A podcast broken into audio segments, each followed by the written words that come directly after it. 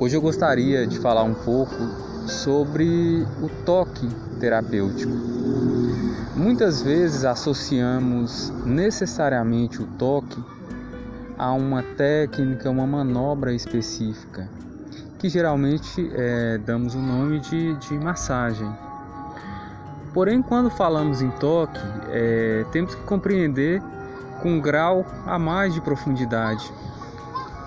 O toque é o momento de conexão entre o terapeuta e o interagente. Então esse momento ele tem que ser cercado de cuidados, de técnica também, que é importante, mas principalmente é a percepção do outro.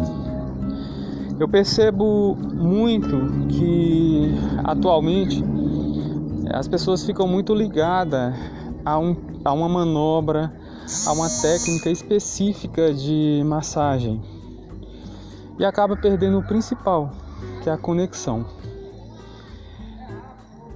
O primeiro contato que eu tive foi através da Tuiná, que é uma, uma massagem, né, uma técnica manual chinesa.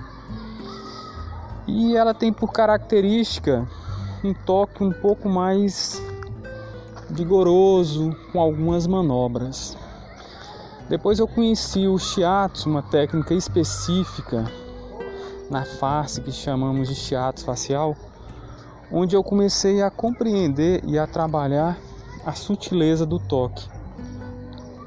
Justamente pela face ser um local onde o toque tem que ser mais delicado, então você aprende a controlar a força e justamente focar na percepção do outro.